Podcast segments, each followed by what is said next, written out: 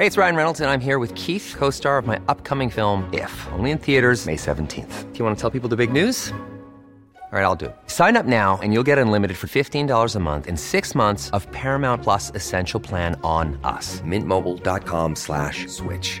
Upfront payment of $45 equivalent to $15 per month. Unlimited over 40 gigabytes per month. Face lower speeds. Videos at 480p. Active Mint customers by 531.24 get six months of Paramount Plus Essential Plan. Auto renews after six months. Offer ends May 31st, 2024. Separate Paramount Plus registration required. Terms and conditions apply if rated PG. Hiring for your small business? If you're not looking for professionals on LinkedIn, you're looking in the wrong place. That's like looking for your car keys in a fish tank.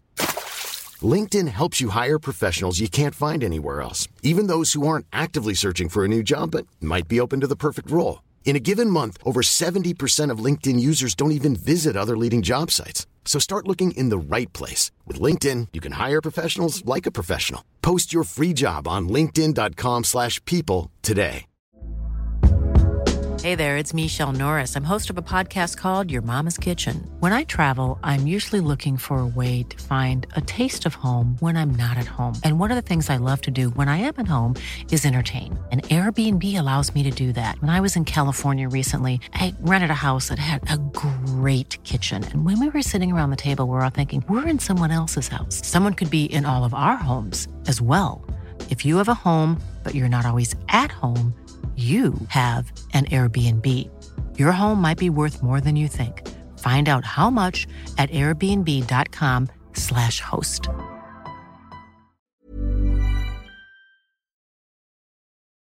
Du presenteras nu för obekräftad information.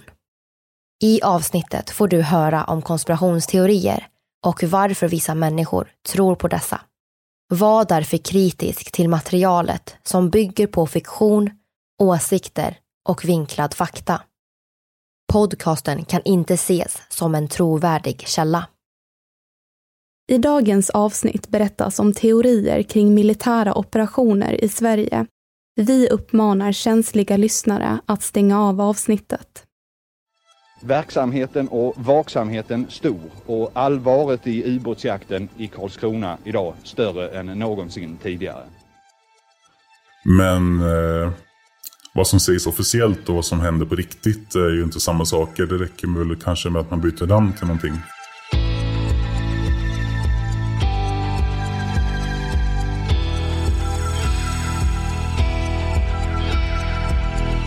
Det här är podden för dig som är intresserad av en annan version av verkligheten. En version som tar upp alternativa teorier, mystiska sammanträffanden och diskussioner om vad som kan vara sant. Mitt namn är Vivi. Och mitt namn är Aida. Och det här är konspirationsteorier. Hej allihopa och välkomna till konspirationsteorier. Mitt namn är Viviane Lee och med oss har vi alltid Aida Engvall. Precis.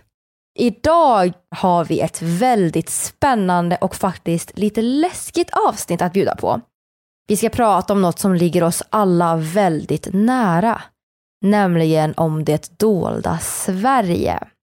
Mm, och alltså det här är ju mega intressant och det känns också som att eh, människor, eller typ i alla fall jag, inte tänker att det händer saker här. För att allt är väldigt öppet. Men efter dagens avsnitt så ja, man har man ju börjat fundera lite på de här hemligheterna och det faktum att det inte är så öppet som man tror här i Sverige. Mm. Vi kommer främst att ta upp hemliga specialoperationer i vårt land som pågår under ytan som vi vanligt folk, eller ja, civila då, inte har koll på. Helt enkelt vad som försiggår utan att vi vet om det. Och vi kommer titta bakåt i tiden från runt 60-talet och framåt. Och det kommer handla om Sverige och såklart även USA och Sovjet. Detta hörni ska vi inte göra själva utan vi har faktiskt med oss en gäst. Mm. Denna gäst har arbetat som underrättelsebefäl i Sverige. Så vi säger hej och varmt välkommen till konspirationsteorier. Tack så jättemycket. Innan vi hoppar in i liksom avsnittet så vill vi inleda med att fråga dig vad tänker du på när du hör ordet konspirationsteorier? Och jag har ju lyssnat på er förr så jag har ju ändå förberett ett svar här förstås. Fantastiskt. Men en konspirationsteori är ju egentligen ett, eh, en teori om vårt samhälle som egentligen inte är förankrad i officiella bevis. Och det kan ju handla egentligen om allting mellan eh, rymdvarelser i våra styrande organ till 5G mikrochip i vaccinet till korruption inom politiken. Och det gör ju att det inte går att säga så här, att en konspirationsteori är aldrig sann. Utan det finns ju massvis med konspirationsteorier som har bevisats som sanna. Så att eh, ja, det är intressant. Väldigt bra svar. I dagens avsnitt då så ska vi ju prata om ett dolt samhälle och allt det här eh, som man kan koppla till konspirationsteorier. Och vi kommer prata liksom, ja, det som finns dolt med hemliga operationer och saker som helt enkelt har pågått under ytan i vår historia. Och vi tänkte faktiskt att vi ska börja prata om specialförband. Men vi tänkte då att du kanske kan hjälpa oss att klargöra för våra lyssnare vad ett specialförband eller ett sabotageförband är för något. Ja, absolut. Och ett eh, specialförband är ju en elitenhet oftast. Som är inriktade mot eh, sabotage, mord, spaning till stor del. Det handlar inte så mycket om liksom, strid i, i fronten utan det är långt bakom fiendens linjer. Eller till och med dolt som civila och genomföra den här typen av operationer som att spränga viktiga knutpunkter eller mörda befattningshavare och sådana saker. Ett specialförband och sabotageförband är egentligen samma sak och det handlar egentligen om att de har en särskild utbildning som eh, står ut ifrån ett vanligt förband. Ganska små enheter också, oftast. Framförallt nu för tiden så brukar det vara någonstans mellan, eh, ja, oftast två man uppträder i stridspar. Så två stycken som ska skydda varandra. Upp till kanske en grupp på åtta personer. Alltså finns det någon sån i Sverige? Absolut, det har vi. Vi har eh, flera stycken som klassas som elitförband. Bland annat eh, fallskärmsjägarna, kustjägarna. Och så har vi specialförband då som är våra spetskompetens. Det är SOG, Särskilda operationsgruppen. Och det är de som vi känner till. Och sen finns det eventuellt då andra förband också som jobbar med specialoperationer som är ja, ännu hemligare som vi inte ens vet om. Ett exempel på det här skulle väl vara kontoret för särskild inhämtning, KSI, på Must. Och eh, så här, utomlands då? Vad har USA? USA har ju väldigt många olika specialförband och elitförband. De har exempelvis eh, Navy Seals som är flottans specialförband. De har Delta Force som är ett mer devgruvförband. De har eh, Green Beret eller Gröna Baskrarna som ett arméförband. De har väldigt mycket olika. I Sverige har vi ett som vi känner till. Kan man säga. Så det finns alltså fler typ under undercover där? I USA? Ja, eller i Sverige tänker jag också. Ja, sagt i Sverige så känner vi bara till ett förband och det är ju SOG. Som, som vi vet om. Så, vad de har för underkategorier och vad som finns på MUST och sådär. Det vet vi inte om, det kan vi bara spekulera kring. Och det där kommer vi in på konspirationsteorierna lite grann.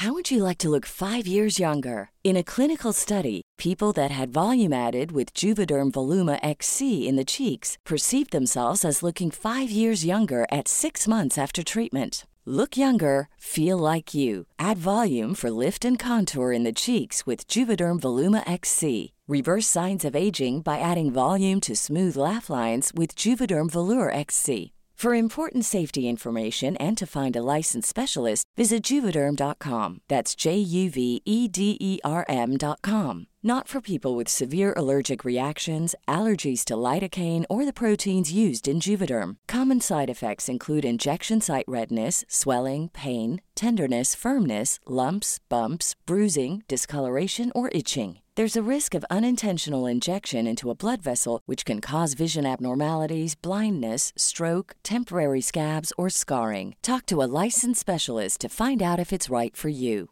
Hey, it's Ryan Reynolds, and I'm here with Keith, co star of my upcoming film, If, only in theaters, May 17th. Do you want to tell people the big news?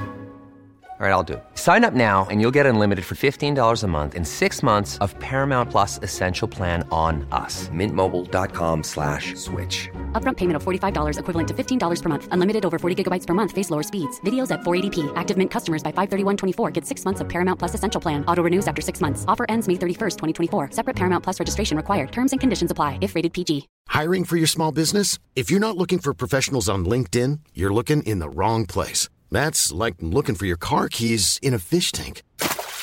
LinkedIn helps you hire professionals you can't find anywhere else, even those who aren't actively searching for a new job but might be open to the perfect role. In a given month, over 70% of LinkedIn users don't even visit other leading job sites. So start looking in the right place. With LinkedIn, you can hire professionals like a professional. Post your free job on linkedin.com slash people today.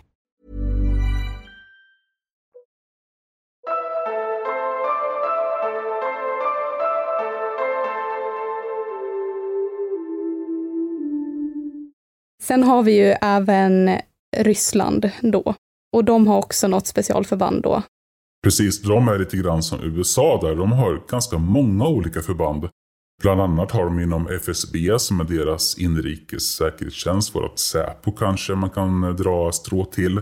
De har eh, Spetsnaz på GRU. Jag kommer säga Spetsnaz kanske mycket är. Därför att Spetsnaz är det ryska ordet för specialförband. Ofta tror man att Spetsnaz är liksom en enhet som eh, Navy Seals eller som SOG och sådär. Men Spetsnaz är bara ett, eh, ett namn för specialförband och det finns liksom inom deras kriminalvård, GRU och FSB som jag nämnde. De har under VDV som är deras fallskärmsjägarförband och det är de eh, som man skulle eventuellt kunna tänka sig operera här i Sverige. Som jag sa, GRU skulle också kunna operera här för det är liksom riktat mot utlandet. Och marininfanteriet ska vi inte glömma eftersom att vi bor så nära Östersjön. Marininfanteriets spetsnaz är de som man oftast tänker är grodmän och minubåtar och sådär. Då är det oftast spetsnaz, eller marininfanteri. Och för oss då som inte är insatta i militära termer eller jobbar inom militären, grodmänniska. En grodmänniska är ju inte som vi tror kanske med forntida astronauter, reptilman, utan det är ju en människa som är specialiserad mot under, undervattensoperationer. Någon som har på sig dykdräkt helt enkelt och jobbar med militär verksamhet under vattnet. Vi ska ju prata om de som observerats i Sverige. Men vi kan börja med en del grejer som har hänt här i Sverige tidigare då. Och jag tänkte på det här med Stay Behind. Mm. Vad är det? Stay Behind är ju en hemlig rörelse som CIA skapade ihop med eh, svenska staten ganska tidigt. Redan eh, strax där runt andra världskrigets slut. Och tanken var ju att de skulle stanna kvar, som man hör på namnet, i Sverige och eh, jobba som en motståndsrörelse kan man säga. Vid en händelse av en sovjetisk invasion. Så det har ju liksom, även om det var vid andra världskrigets slut där, så hade det ingenting med, med nazismen och tyskarnas invasioner eventuellt att göra om de skulle komma tillbaka. Utan var för att man såg att Sovjetunionen var det stora nya hotet som fanns i Europa. Och då skapar man då det här nätverket med stora befattningshavare och specialkompetens eh, och så. Där man skulle operera, hålla i operationer som skulle slå mot sovjetiska förband på djupet som en motståndsrörelse. Och de avvecklades väl sen under 2000-talet eller? Absolut. Officiellt. ja. Vi säger det. Nej, men officiellt så avvecklas de redan under 2000-talet, som ni sa här. Men eh, vad som sägs officiellt och vad som händer på riktigt är ju inte samma saker. Det räcker väl kanske med att man byter namn till någonting. Så Mm. för varför skulle man avveckla en organisation som har funnits så pass länge? Det här alltså var efter att Sovjetunionen föll. Så tog man bort det då. Men kan, var det kanske för att man fick upp det ljuset och sa nej men vet du det, hm, så borta, finns inte kvar. När man såg att Ryssland allt mer blev expansionistiskt under de här ganska tidiga 2000-talet egentligen. 2008 var ju invasionen av Georgien bland annat. Och det finns ju en del kopplingar där också till Palme. Att de var delaktiga där. Ja, precis. Det finns ju en, en teori som säger att Stay Behind var de som mördade Olof Palme för att han gick mot ett mer eh, Sovjetvänligt eh, politiskt styre. Det är en teori som är förhållandevis rimlig. Men det finns också teorier då som säger att det här är helt orimligt egentligen. För att han borde varit delaktig i det. Det, ja, ja, lite grann så. Men också för att det finns eh, teorier om, en, eh, om ett hemligt militärt samarbete mellan Sverige och USA. Där man skapade en, eh, en grupp som var föregångaren till SOG. Alltså föregångaren till till och med SSG som var särskilda skyddsgruppen som var eh, de som bildade SOG senare ihop med SCG som var särskilda inhämtningsgruppen. Och då så skulle det ha varit då ett förband som utbildades av USA och som eh, egentligen jobbade skarpt i Sverige för att det fanns spetsnazförband här. Och de här eh, förbanden helt enkelt slogs, det var krig i svenska skogarna. Det dödades ryska specialförbandsoperatörer på svensk mark under ett samarbete mellan Sverige och USA. Och där har vi ju en konspirationsteori som är ganska intressant. Ja, väldigt. När hände det? Det ska ha hänt under 70 och fram till 90-talet någonstans där. Det, det, det varma kalla kriget så att säga. Det finns ju väldigt mycket bevis på att ryska specialförbandsoperationer skedde på svensk mark. Det finns det ju. Med, som vi pratade om förut, grodmänsoperationer och, och sådana saker. Och det finns minibåtar och en jäkla massa utvisningar utav eh, diplomater och så vidare. och så vidare. Det finns ju inga bevis på att den här operationen egentligen skedde här. Mer än kanske någon notis i någon tidning här och där, någon konstig sprängning. Men eh, många av de här, eller egentligen alla de här operationerna skulle då ha skett från centret. Att det ska ha städats efteråt och sådär. Det är riktiga James Bond-operationer. Man visste vart de var och så sprang de på sig dem med prickskyttevapen, sköt ut dem. Kom någon, plockade bort dem. Ja, det finns faktiskt ganska så intressanta artiklar om mörklagda svarta helikoptrar under den tiden. Som flög lågt över skogarna. Det finns det. det. Det, går att hitta både på liksom, lokaltidningar och jag tror till och med att UFO Sverige har tagit upp det i något avsnitt. Det är för att de var oförklarade. Men kan vi inte prata lite mer om det här, eh, svarta helikoptrar? Så här, vad, vad är det? För någon som inte vet och så. Ja, men vi är ju vana vid att se en helikopter som flyger kanske med eh, lampor som blixtrar, tärnor och sådär. Och man kan sen få en förklaring ganska enkelt på vad det är för någonting. Antingen via Flight Radar 24 fanns ju givetvis inte då. Det är ju en app som finns idag. Men man kunde ändå ta reda på vad det var för någonting. Men det här skulle då ha varit helikoptrar som flög helt mörklagda. Och det är inte normalt. Det är inte så man flyger i Sverige. Eller någonstans egentligen. Eftersom att det är så stor risk att man kan kollidera med någonting. Och man flyger inte så lågt heller när det är mörkt ute. För då är det risken att du kolliderar med helikopter eller någonting. Så det skulle då antyda att du flyger med eh, kanske mörkerglasögon. Och det gör inte civila piloter. Det är ju i så fall någon specialare. Mm. Och har det varit eh, svenska förband då eller har det varit ryska eller amerikanska? Ja, där är tvistar om den lärde tänkte jag säga. Det, vi kan nog utesluta ryska förband eftersom att vi har radar.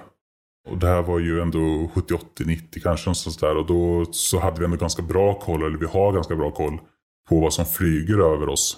Amerikanska helikoptrar, absolut. Det skulle kunna vara ifall det är så att man har kommunicerat det här då. Och att det finns hemliga operationer så som vi pratar om nu. Det är klart att man förmodligen har då pratat med flygstridsledningen och säger ja men vi kommer att flyga här, ni behöver inte titta. Jag tänker att det behöver vara något samarbete i så fall då. Ja, alltså enligt den här teorin så har ju inte USA jobbat här willy-nilly så att säga utan det har ju varit samarbete mellan svensk och amerikansk stat. Mm. Och gruppen har fått eh, sin information, sin uppdrag ifrån en amerikansk uppdragsgivare eller en amerikansk underrättelsetjänst. Men det betyder ju inte att inte Sverige då skulle ha känt till det här. Utan det visste man ju. Och det är där som man pratar om att det, är orimligt att eh, Steve Behind sköt ihjäl Palme. För att Palme skulle ha vetat om då den här gruppen. Mm, mm. Ja, för det känns Alltså statsministern lär ju liksom ha vetskap om det högsta, tänker jag. Ja, precis. Det borde ha varit statsministern, försvarsministern, kanske utrikesministern och kanske överbefälhavaren. De fyra och ihop med kanske amerikanska ambassadören och någon företrädare för flottan eller armén eller eh, någon underrättelsemyndighet. De har ett par stycken sådana. Men då kanske det är då svenska specialförband i de här svarta helikoptrarna då, som håller på att göra någonting, något uppdrag av något slag. Ja, men precis. Och det borde ha varit då föregångaren till de här särskilda skyddsgruppen. Som har då utbildats utav USA och verkar på svensk mark. Kanske med svenska befäl då. Det är rimligt att tro. Det är jätte, jätteintressant, men det är också läskigt. För det känns ju inte som att det här har tagit slut, utan det känns ju bara som att sånt här ökar. Och då blir jag så här rädd, jaha, när man går ute i skogen och plockar svamp, ska man liksom bli skjuten då, eller så här, vad händer? Nej, det tror jag inte händer. Nej, men det känns lite så. De är bra på att städa upp efter sig och då är det som att det inte har då hänt. Då försvinner jag då. då. Nej, men jag tror inte att vanliga civila direkt löper någon risk för att eh, springa på de här operatörerna på något sätt. Men man ska väl aldrig säga aldrig. Man kanske plötsligt hittar någonting som eh, bekräftar allt det här. Ja, jag tror att de är i sådana fall långt ifrån liksom eh, befolkningscentran och sådana saker. Jag tror ju inte att man eh, nu för tiden liksom, jag vet inte, vad ska man säga? De, jag tror inte de sover under en gran och väntar på att någon springer på dem. Utan de har ganska bra koll på sin närområde. Kanske att de inte ens har på sig uniformer. Vapnen är idag ganska så små. Typ en, en AK74U som de hade förr i tiden är ju en ganska kort karbin. Den går ju ganska lätt att gömma i en ryggsäck exempelvis. Har de då på sig eh, fjällrävenbyxor och en eh, flanellskjorta så kan de säga hej hej. För de här operatörerna som man pratar om då, specialförbandsoperatörerna från Ryssland, kunde ju prata perfekt svenska. Okej, okay man kan inte lita på någon. nej, nej, men precis. Så går man på ett gäng med 20 till 30-åringar som, eh, som står i skogen och ser skumma ut så, och de ser att de plockar svamp. Ah. Mm, och då kanske det är något som försiggår. Framförallt i närheten av ett militärt eh, skyddsobjekt exempelvis eller något annat känsligt så kanske man ska fundera på om det här eventuellt är någonting som man ska skriva en 7S-rapport på. 7S? En rapport som man skriver eh, på ett speciellt sätt som eh, man beskriver enkelt i korta ordalag vad man har sett vart, vad för någonting, hur många. Vi kan ju även prata om lite flygplan och grejer och framförallt DC-3 kanske? Mm. Vad hände med den och vad var det för något? Men DC-3 var ett signalspaningsflygplan som eh, opererades utav FRA, alltså Försvarets radioanstalt. Och den startade ifrån eh, Bromma och flög ut mot Kaliningrad. Det här sker än idag med signalspaning mot Ryssland på det sättet. Och de flög och skulle då genomföra en vanlig rutin signalspaningsinhämtning. Alltså signalinhämtning. Men ryssarna tyckte inte att det här var en så bra idé. Så de skickade upp en MIG-15, tror jag. De skickade upp ett stridsflygplan för att uh, möta DC-3 som de ansåg var på ryskt vatten, alltså ryskt territorium. Men det är ju bevisat att det var den inte. Men eh, det spelade inte ryssarna någon roll förstås, eller sovjeterna, för det här var väl en polsk kärra. Ja, de, de sköt ner den helt enkelt och ingen överlevde. Och sen förnekade de allt? De förnekade allting. Vi hittade de flesta utav eh, flygarna långt, långt senare. Ett par stycken operatörer saknas än idag och där funderar man på om det kanske är så att eh, sovjeterna plockade upp dem och förhörde dem då i Sovjetunionen. Men det är nog ingenting vi någonsin kommer få veta för vi hittar dem som sagt inte alls. Och det fanns ju även eh, indicier som pekar på att eh, de ryska stridsflygplanen hade beskjutit överlevande i vattnet bland annat. Det var hål i de här livflottarna bland annat från, eh, från spränggranater. Ja, jag läste också någon teori där att Alltså tidsmässigt hade det kunnat gått att de här fyra då som man inte hittade kan ha hoppat med fallskärm från det att planet blev skjutet, typ. Det fanns några minuters intervall där. Och att de därmed då överlevt och sen tagits till fånga, satt i något fängelseläger. Men att Sovjetunionen har förnekat det. Mm. Det finns till och med en fallskärm som är utvecklad i, eh, på Flygvapenmuseet. Så det finns ju indicier. Det saknas också fallskärmar. Ja, det såg jag också för att det skulle normalt finnas typ tio stycken sådana ombord då, alltså en per man och reserv. Men att det kanske också innebär att det var ännu en medlem ombord, för de var ju åtta stycken. Och att det fanns då en nionde som kanske var utländsk, typ amerikansk. Mm. Det finns det också en del eh, teorier om. Att eh, vi redan då samarbetade med eh, USA när det gäller underrättelseutbyte. Så vi hade amerikanska operatörer med oss för att de skulle också kunna signalspana och skicka hem information om, om rysk signaltrafik. Och det är också lite intressant där då att de här fyra män som saknades var de här telegrafisterna från FRA. Det är ju också rimligt i och med att så piloten behöver ju uppenbarligen sitta och flyga planet då och försöka landa det. Men det är ändå intressant att det är de här som har lyssnat efter sovjetisk eh, radar eh, eller radiotrafik typ. Mm. Ja, signaltrafik. Mm. Så det, ja, det är väldigt intressant. Vi, som sagt, vi kommer nog aldrig få veta vad som har hänt där egentligen.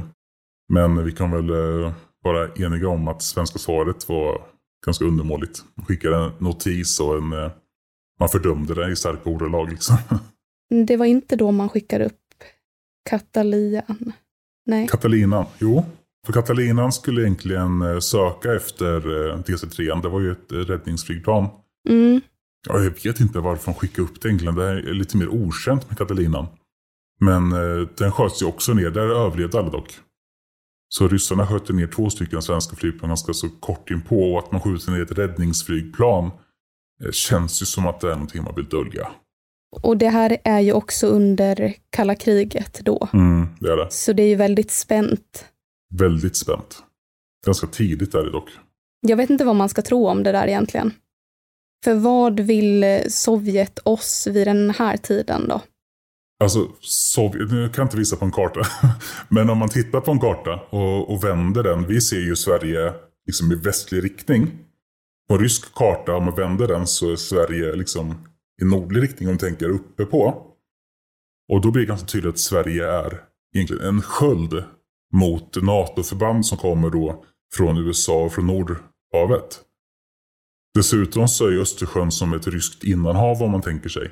Och eh, jag vet inte hur det var då, men idag så går ungefär 80% av all export till Ryssland och från Ryssland genom Östersjön till Sankt Petersburg.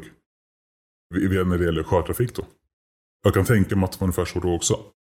Så Östersjön är liksom extremt viktigt för dem och vi är i vägen lite?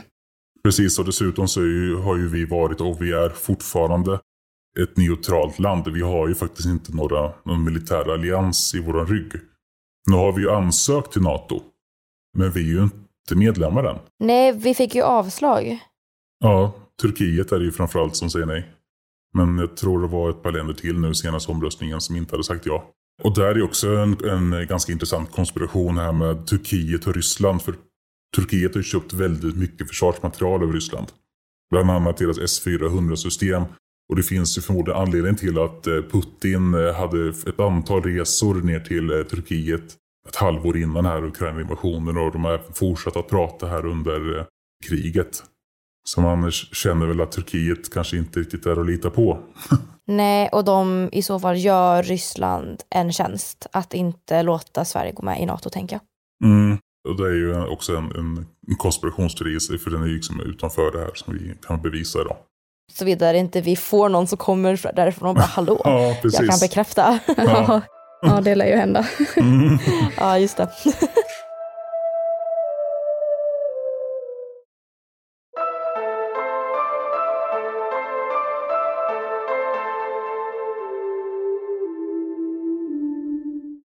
Vi har inte heller pratat om det här med TIR-lastbilar.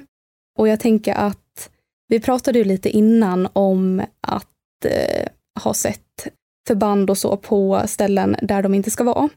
Eller människor eller lastbilar eller vad det nu är på ställen där de inte ska. Typ flygplan eller de här svarta helikoptrarna.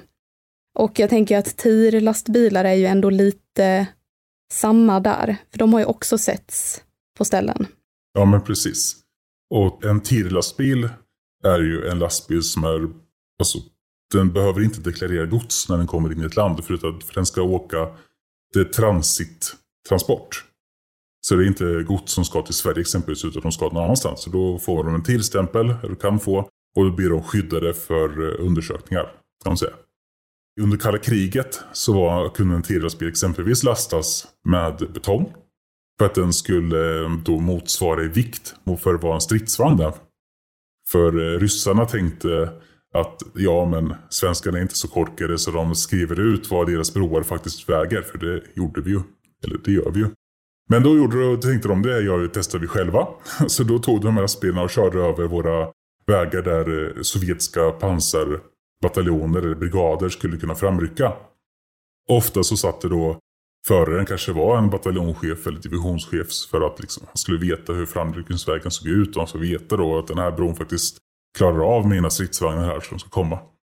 Och sen fanns det också TILAS-bilar som man hade som eh, signalspanings... Eh, ja, mobila signalspaningsplattformar egentligen.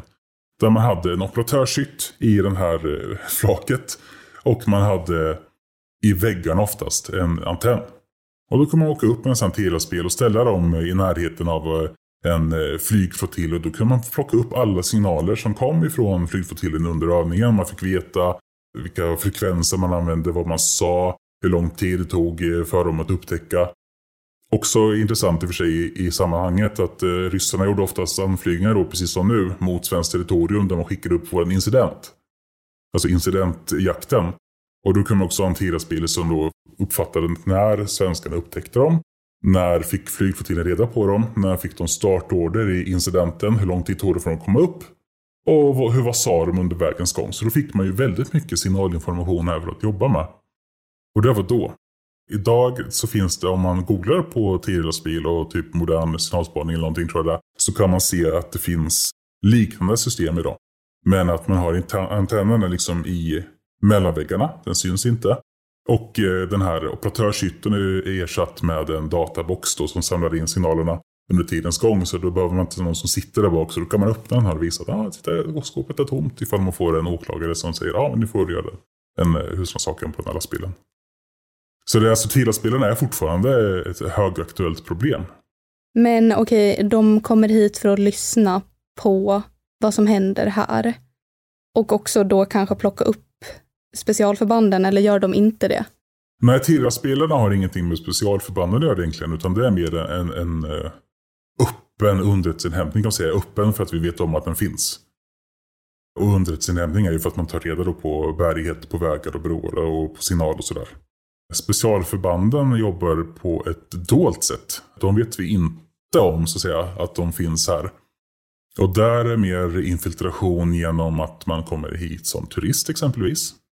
Under kalla kriget kom de gärna hit som idrottslag. För att kunna röra sig fritt. Man hade som sagt lastbilschaufförer och sådär. Men de här minubåtarna är väldigt... Eh, om man vill komma in och, som, ett, som ett specialförband in på, på svenskt djup så använder man minubåtar oftast. Och då simmar man i land och då kunde man ha med sig sina vapen och sådär. Och ville man inte göra det så kom man oftast hit som turist antingen via färgerna eller via bil eller någonting annat flyg. Och då fanns det, ja, nu fanns det som, som att det stämmer på riktigt. Men eh, då säger teorin att det finns vapengömmor i Sverige. Där eh, Ryssland eller Sovjetunionen har köpt upp eh, eller renoverat exempelvis en sommarstuga och grävt ner en vapengömma under den. Antingen med eller utan eh, ägarens eh, medgivande. Man kan säga att man kanske har betalat. Det kan ha varit en fackligt anställd och erbjöd dem att vi vill renovera din sommarstuga och så ställer inte du några frågor. Och då passar man på att gräva ner en källare som var dold, hemlig, med vapen, ammunition, sprängämnen och så vidare. Och då kunde specialförbanden komma hit som civila. Helt omöjligt att upptäcka om man inte redan hade span på dem från innan. De kunde ta sig ut ur de här sommarstugorna, knacka hål eh, i den hemliga liksom, nedgången. Och man kunde få, få tag på tillräckligt mycket vapen och ammunition för att slå ut ett mindre samhälle. Alltså det här låter som en film. Ja, men ibland så överträffar inte filmen verkligheten. Nej, så läskigt. Jag blir helt mållös. Tänk om så här, jag skulle köpa ett hus någonstans och så bara, åh, det finns en källare här, vad är det? Eller det finns någonting här under, vad är det? Och så bara bankar och så bara, det är massa vapen här. Som de har glömt bort att de har liksom gömt där. Ja, men precis. De hade ju även kärnvapen exempelvis i, i väskform. Stora som en, som en sån attachéväska. Som man var tänkt att använda för att slå ut hamnar eller högkvarteret och så vidare. Det är eh, sant. Jag tänker att eh, det finns, som vi pratar om, mycket specialförband nu också som håller på. Jag menar, det är ju ett krig som försiggår nu. Jag har ingen aning vilka som smyger runt överallt. Kan nog vara ganska övertygad om att det smygs runt en hel del från Ryssland på svenskt territorium just nu. Mm, förmodligen. Även senaste veckan bara så har ju exempelvis i Norge gripits ett antal ryska medborgare som har flugit drönare över eh, gasverk och andra känsliga installationer. Betyder ju inte det att det är specialförband. För då skulle de förmodligen inte ha blivit gripna. Men det betyder att det pågår ju någon form av underrättelseverksamhet med kanske vanliga civila ryssar som betalas en slant. Och det är också en ganska så känd eh, modus operandi, alltså operationssätt som Ryssland eh, hänger sig åt. Att betala någon för att göra ett uppdrag. Sen om de åker fast för det, det är skitsamma för det var inte ryska staten som har betalat för det. Det ingår i deras doktrin, den militära doktrinen. Den har jag ju läst en del. Och där eh, så ingår ju den här gråzonskrigföringen. Och då kan man använda sig av den typen av eh, förnekbara aktioner mot ett land, även om det är öppet. Och det funkar även exempelvis med att skjuta en kryssningsrobot. Om de skulle skjuta en kryssningsrobot på Sverige så kan jag fortfarande säga att det var inte vi. Och så länge man kan säga det var inte vi, då ingår det i, i det ryska sättet att se på gråzonskrigföring. Jag tänker också att Eh, det har ju varit väldigt mycket kränkningar från Ryssland av svenskt luftrum typ. Alltså under sommaren och sånt där. Är det något dolt grej? Alltså så här, vad, vad är grejen med det? Det kan man nog se på flera olika sätt. Dels så ska vi väl eh, säga också att det, det sker också från NATO-länder. För annars kommer det vara någon som säger ja men det sker också här. Men det är lite skillnad. Oftast är det ett NATO-land som råkar göra en inflygning på svenskt territorium, oftast en felnavigering. Och har inte mer eh, syfte än att man, man skulle man genar lite grann.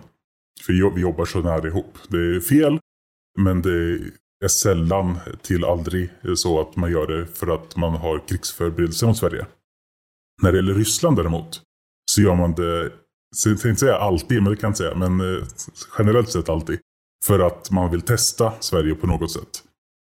Antingen så vill man mäta signaler, se ifall man blir låst på. Om man låser på ett, eh, på ett flygplan eller om man använder en radar, så använder det en viss frekvens. Om man då kan plocka upp den frekvensen med antenner, så vet du också hur du ska störa ut den.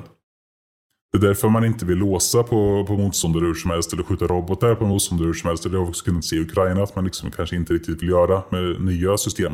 För då får man de här frekvenserna som de jobbar på. Och vet man det så kan man använda elektronisk krigföring för att blockera de frekvenserna. Så där vill man göra. Man vill testa våra reaktionstider till stor del. Och man vill eh, leverera någon form av signal. Att eh, ja, nu eh, tycker vi att ni börjar sticka ut från den norm som vi anser er ligga inom. Och då flyger vi in med fyra stycken flygplan som kan bära kärnvapen och, och låser på mål i, i Stockholm. Som man gjorde då under ryska posten. Jag tänkte på det när du sa kränkningar i luftrum för att eh, Ryssland har ju faktiskt varit vid Öland. Mm.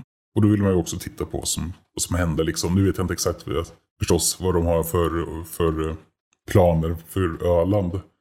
Eh, men det är ju, Öland är precis som eh, Gotland en intressant ö.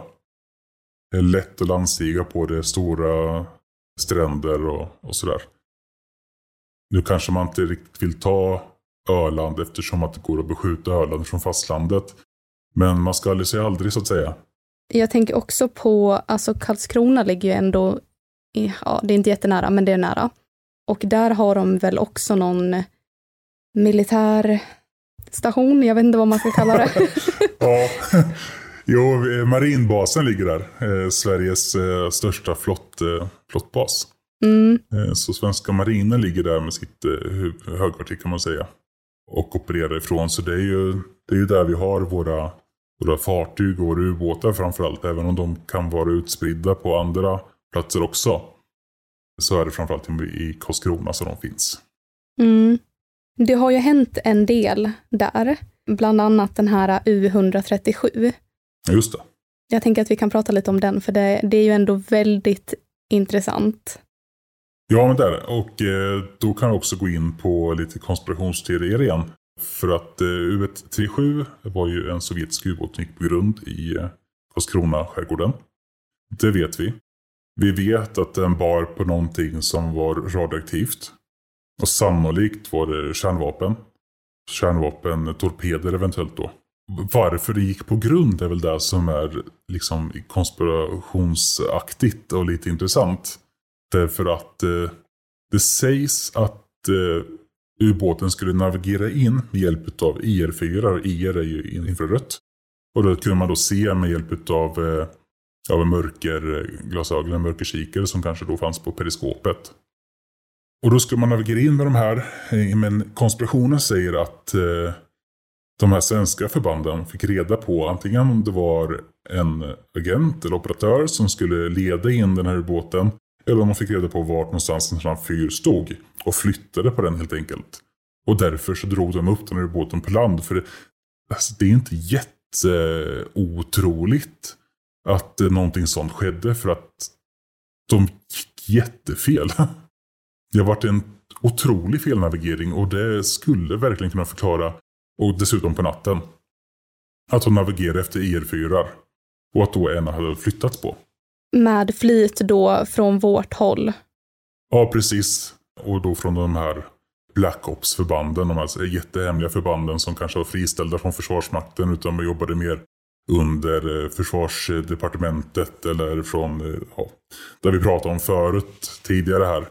Och därför det tog så lång tid för Sverige att faktiskt reagera.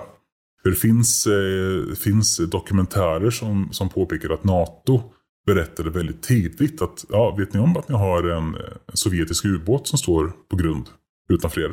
Det är ju superkonstigt. Ja, ja för Sverige agerade ju inte på jättelänge. Nej, flera, flera timmar. Det var till och med vittnen som ringde in och sa hej, eh, det står en ubåt, eh, ser konstig ut. Och, och som svenska marinen bara, nej, det gör det säkert inte. Man undrar ju lite varför de var där och liksom varför de inte agerade på så pass länge. Ja, det är jättekonstigt och jag vet inte. Det, det finns lite teorier om att eh, svenska regeringen var eh, rädda, jätterädda. Att man skulle behöva agera mot, eh, mot Sovjet på det sättet. Och till slut så hade man inte längre något val för att det började liksom spridas ut i samhället att det var någonting på G där. Ja, det finns ju en eh, dokumentär om detta.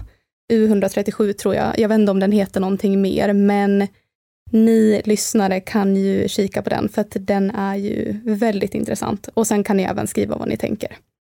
Men vi ska ändå prata lite mer om det dolda Sverige och eh, jag tänker på att jag säger ordet sälstationen så kanske du kan fylla i oss mer om det. Mm. Sälstationen var ju en eh, topphemlig, eh, topphemligt projekt egentligen utanför Stockholm. Som, eh, där man skulle liksom lära sälar att hitta sprängämnen och, och minor, framförallt sjöminor i, i skärgården. Kunna liksom minröja med. Och jättehemligt. Och idag så är det ett vandrarhem tror jag. Som ligger utanför Stockholm. Så, så det är inte hemligt på något sätt idag. Men ändå att vi har haft den typen av militära projekt i Sverige. Är väl ganska så intressant tänker jag. Det är inte många som vet om det. Att vi försökt använda sälar för att röja minor med. Nej. Om man tänker på hemliga projekt så antar jag i alla fall att ni känner till att vi har försökt bygga kärnvapen. Nej, jag har trott att eh, vi inte håller på med sån teknik. Ja, okej. Okay. För det svenska kärnvapenprogrammet är ju en, ganska så intressant eh, projekt som också var supertuper hemligt och som lades ner under lite hysch sådär. Och det finns också en konspirationsteori som säger att vi kanske inte alls la ner det som vi säger att vi gjorde. Utan att, att man fortsatte forska kring det och på det och sådär. Under kalla kriget då eller görs det här nu? Nej men alltså man startade projektet under kalla kriget. Jag kommer inte ihåg exakt vilket årtionde. Och den första reaktorn som man tog fram var under KTH i Stockholm. Så under KTH finns det en, en reaktoranläggning, ifall ni inte visste om det. Som är spännande att tänka på när man går förbi. Och sen Årstaverket, eh, också utanför Årsta då, som man hör på namnet. Och sen eh, så skapar man Marviken utanför Norrköping där man skulle anrika uran till kärnvapenplutonium. Man gjorde en, eh, väldig massa olika tester för att testa olika sprängverkan och hur det skulle ut. Och så. Man tog fram ett konceptflygplan som såg ut som en Draken. Eh, stridsflygplanet vi hade fast det var mycket, mycket större som skulle bära den här atombomben. Och man då, anledningen till att man gjorde det var att man skulle slå mot, mot Ryssland i Kaliningrad och mot eh, fartygsformationerna och sådana saker när de försöker tuffa över. Var Sverige alltså beredda att göra det? Trots neutraliteten och sånt där?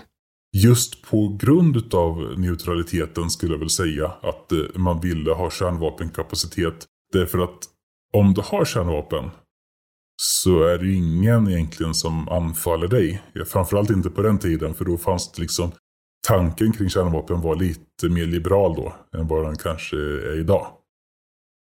Och då ville Sverige ha kärnvapen för att liksom, ja, man slåss inte mot ett kärnvapenland. Helt enkelt. Och hade Ukraina haft kärnvapen så kanske inte Ryssland gått in idag och sådär. Men gick det bra då? Alltså den här uh, forskningen på det och så, alltså togs det fram ett bra kärnvapen? Vi kom aldrig så långt enligt de officiella sagorna. och anledningen till att vi slutade med det var på grund av fredsrörelsen. Som är bevisad understödd av Sovjet.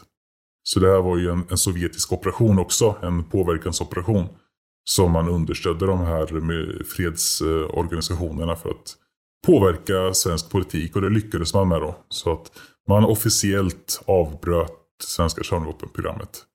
Vad som hände efter, liksom under mattan och sådär, det, det, vet jag inte. Det finns eh, teorier som säger att det finns kärnvapen i Sverige, men det, det finns ju de förstås som säger att det inte gör det. Jag tänker att jag borde väl kanske veta om, eller ha sett att det finns kärnvapenbärare i, i Sverige på något sätt. Men det finns väl ingenting som säger att det inte skulle finnas spårubåtar eller robotar som är jättehemliga i, i, i något bergrum liksom. Till våra flygplan. Jag tror inte att det finns. Men å andra sidan är det en intressant konspirationsteori. Jag tänker också på Alltså vi är väldigt smarta och väldigt duktiga här i Sverige inom typ allting. Varför skulle vi inte vilja ha den kunskapen då om hur man gör de här sakerna? Även om vi inte liksom vill använda det så kanske man ändå vill veta hur man gör den.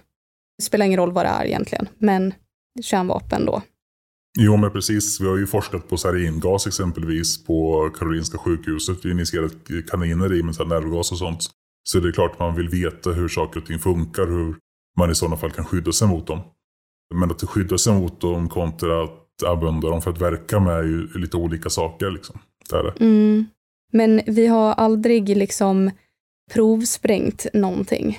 Inte någonting som har någon kärnladdning så vitt jag vet. Det som har blivit offentliggjort är ju jätte, jättekraftiga vanliga eh, liksom, bomber. Så. Men ingenting som har haft någon kärnreaktion i sig som jag vet om. Det är mycket av det har ju blivit avhemligat men jag kan ju inte tänka mig att allt är avhemligat. Ja, spännande. Mm, väldigt spännande. Jag tänkte på det här med eh, när vi pratade om de här sälarna. Som, eh, alltså, ja, det här med minor och det. Det första jag tänkte på var ju den här hunden i Ukraina. Det är ju en Jack Russell terrier som hittar massor med ryska minor. Tänk om den typ skulle trampa på en. Ja, men, det, men, men en mina funkar inte så. Du måste ha ett visst tryck på den om det ska smälla. Så hundar kan gå på den? Ja, generellt sett. Du måste ha ett 20 kilos tryck, liksom måste ha en större hund för att den ska smälla. Aha. Men jag tänker också på så här, polisrobothundar i liksom den robotvärlden så går det ändå framåt. Så här, snart kanske man eh, liksom får fram någon sån som kan hitta minor eller någonting sånt. Så att det inte behöver vara en säl eller någonting. Alltså det har funnits eh, jättemycket roliga projekt på det här. Bland annat har man dresserat bin att eh, landa runt minor. Hur lär man en insekt att här ska du, du ska fatta att det här är en bomb. Du ska liksom förstå det måste ha någonting med, med utsöndringen liksom som, som sprängdegen eller sprängämnena har. Jag för mig att jag läste i, i den här eh, artikeln. Men det var länge sedan jag läste det. Jag vet inte ens om det är sant faktiskt. Det var länge. Jag, lä, jag läste den i, i en uh, nyhetstidning tror jag. Man kan ju fortsätta hur länge som helst på det här. Men det här var faktiskt allt vi hade för idag och vi hörs i nästa avsnitt hörni, för vi har faktiskt mycket mer vi kommer att prata om. Jajamän. Hej då! Hej då!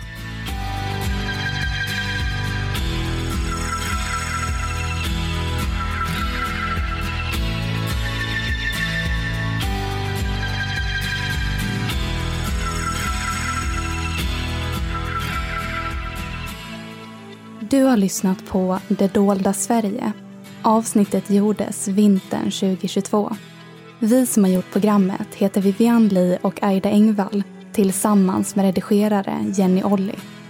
Källorna till dagens program hittar du via vår Facebook eller Instagram där vi heter konspirationsteorier. Via våra sociala medier kan du även skicka in tips och önskemål på teorier som du vill höra i podden. Vill du höra fler avsnitt av konspirationsteorier? Lyssna på avsnitt som 9-11. This is certainly the worst and most coordinated single attack in the history of the United States. The Bloop. Occasionally there were sounds that we just could not identify. och mycket mer.